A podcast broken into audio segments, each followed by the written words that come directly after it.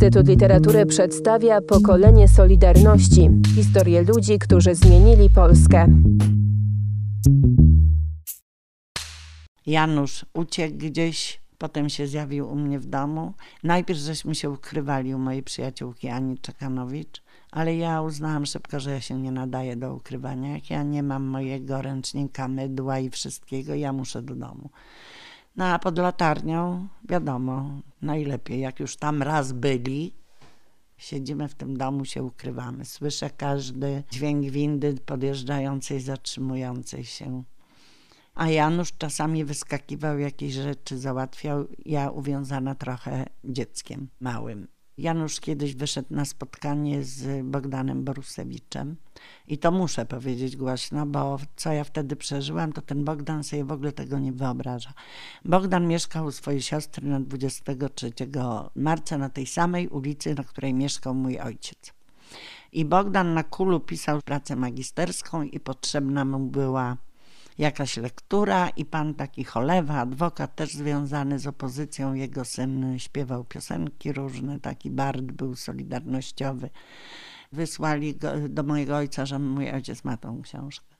Bogdan myślał, że stary Akowiec to znajdą, ale jak zobaczył, jak wygląda mój ojciec, jak jest schorowany, to przestał sobie tym głowę zawracać. Ale bywało, że jak u niego była wpadowa, u tej siostry, to on do mojego ojca przynosił kartony z ulotkami, gazetami. Także z moim ojcem się znali. I pierwsza rzecz w stanie wojennym poleciałam od razu do Bogdana. Jedno szczęście, bo wyszła jedna sąsiadka, mówi, niech pani w ogóle tu nie wchodzi. Tu w każdym mieszkaniu mieszkają becy. My jesteśmy chyba jedyni. Bogdan uciekł w las, słyszeliśmy strzały. To było w tą noc 13 grudnia, bo Bogdan się ukrywał, udało mu się uciec i u tej jego siostry też byli. I Satora miał spotkanie z Bogdanem Borusewiczem, przyszedł do domu, chodzi nie swój, z kąta w kąt, nie odzywa się. Ja mówię, co się stało, Janusz? A Janusz mówi, a właściwie to ci powiem. Bogdan powiedział, że ty współpracujesz, że ty jesteś TW. No po mnie jak, myślę sobie tak, sama z dzieckiem, partia mi ani żaden skurwiel nie pomoże, Solidarność też nie, bo jestem TW. Jak to się rozejdzie, to ja jestem zupełnie utopiona. Tym bardziej, że jak to opowiadałam mojej przyjaciółce, która mi mówi, Krysia Janiszewska, skąd mam wiedzieć, że nie? Ja mówię, no myśl sobie, co chcesz.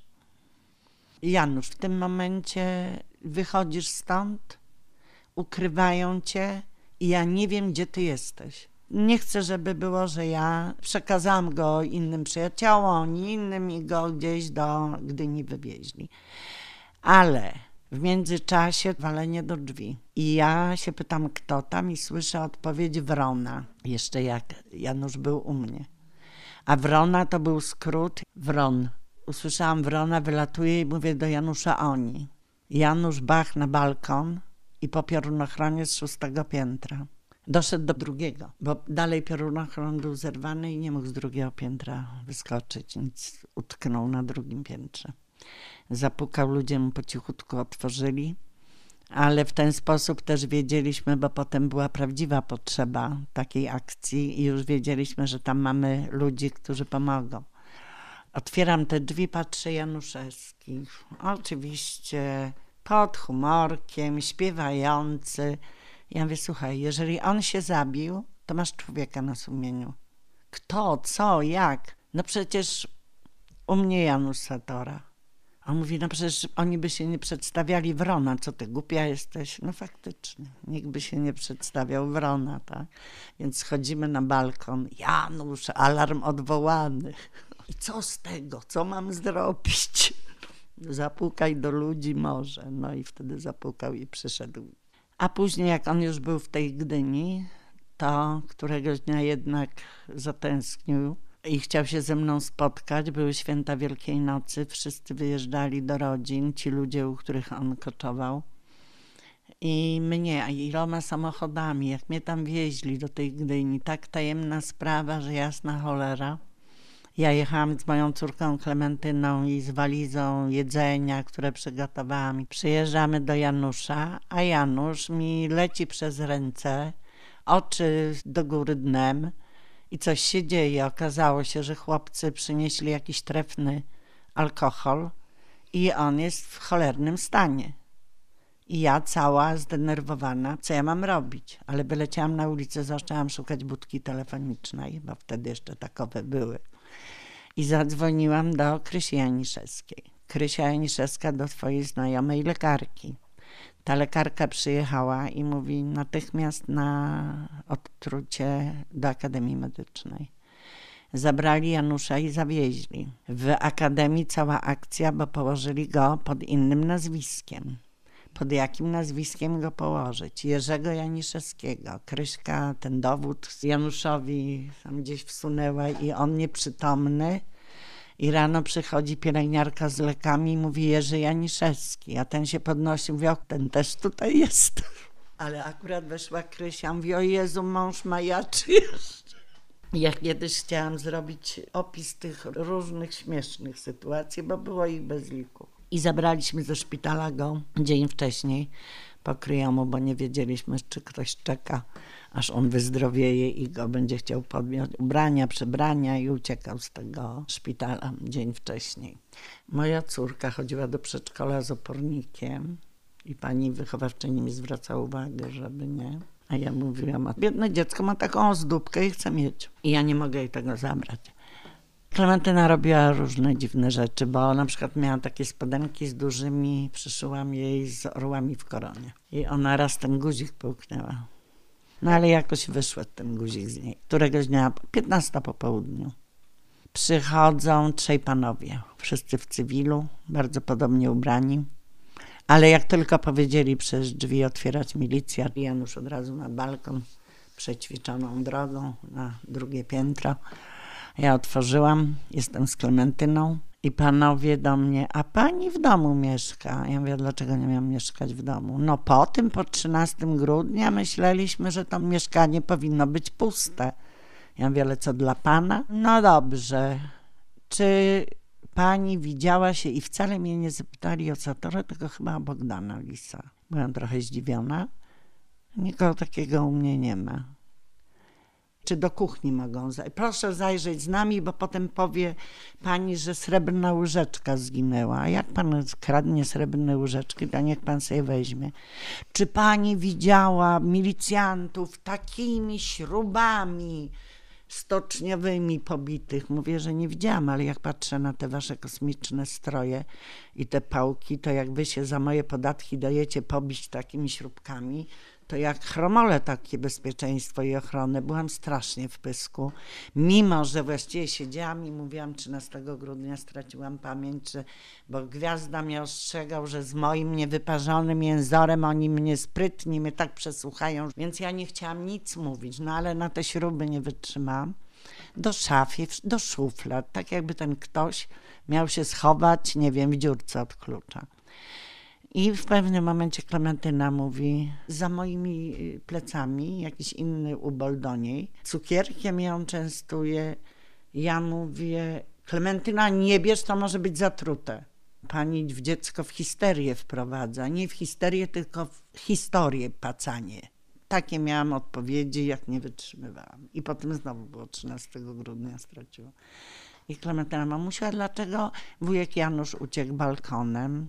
Ja do niej, ty esbeczko jedna, faceci migiem zwiali i zaczęli tam przeszukiwać i wchodzą z powrotem, mówią, pani władzę w błąd wprowadza.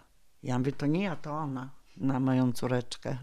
W końcu wyszli, ale ja siedziałam u sąsiadów, którzy zazwyczaj służyli mi pomocą.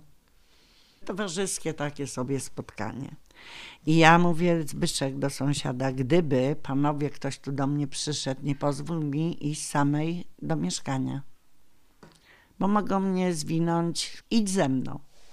A Klementyna z ich córką siedziały w naszym mieszkaniu i oglądały chyba filmy sobie, taki był dla dzieci projektor, one sobie coś tam wyświetlały. Nagle przychodzi trzech przystojnych, fajnie ubranych, sportowo, fajnie wyglądających młodych chłopaków. Dzień dobry, my jesteśmy kolegami Janusza Satory z Elmoru. Wiemy, że tu było dzisiaj coś się działo i chcemy go przewieźć w bezpieczne miejsce. Ja, durna, od razu uwierzyłam. Kiedy już drugi z nich pokazywał Zbyszkowi legitymację. I zamiast Zbyszek do mnie krzyknąć, żebym się nie wygłupiała, bo oni to są oni, nic nie powiedział i ja z jednym z nich poszłam do domu. I ja coś palnęłam, a właściwie to ja powinnam pana wylegitymować. I wtedy on mi pokazał prawdziwą milicyjną. I gdybym ja tak głupio nie zagrała, że ja chcę pana wylegitymować, a on się nie poczuł, że ja jednak chyba wiem, ja bym chyba wszystko wyklepała. Miałam taką starą maszynę do pisania od Ani Czekanowicz. No ją kopnął, że świetnie się nadaje na matrycę. Ja mówię, nie wiedziałam dobrze wiedzieć. Chodził po mieszkaniu, szukał też, książki oglądał podziemne, ale nic nie zabrał. Ja mówię, ja nie wiem, pan jakiegoś spłaszczonego szuka, o co panu tu chodzi w tym domu? No, że pani po tym wszystkim, co pani przeżyła, jeszcze ma odwagę. Usłyszałam tekst. Ja mówię, no bo pod latarnią zawsze najciemniej. I sobie poszli. Potem przyszedł taki czas, że przestaliśmy o tym mówić. Wszystko zostało powiedziane. I nie zapomnę tego, jakie ja miałam pretensje do mojego taty, że on mi nie powiedział, że 17 września Rosjanie w 1939 kroczyli.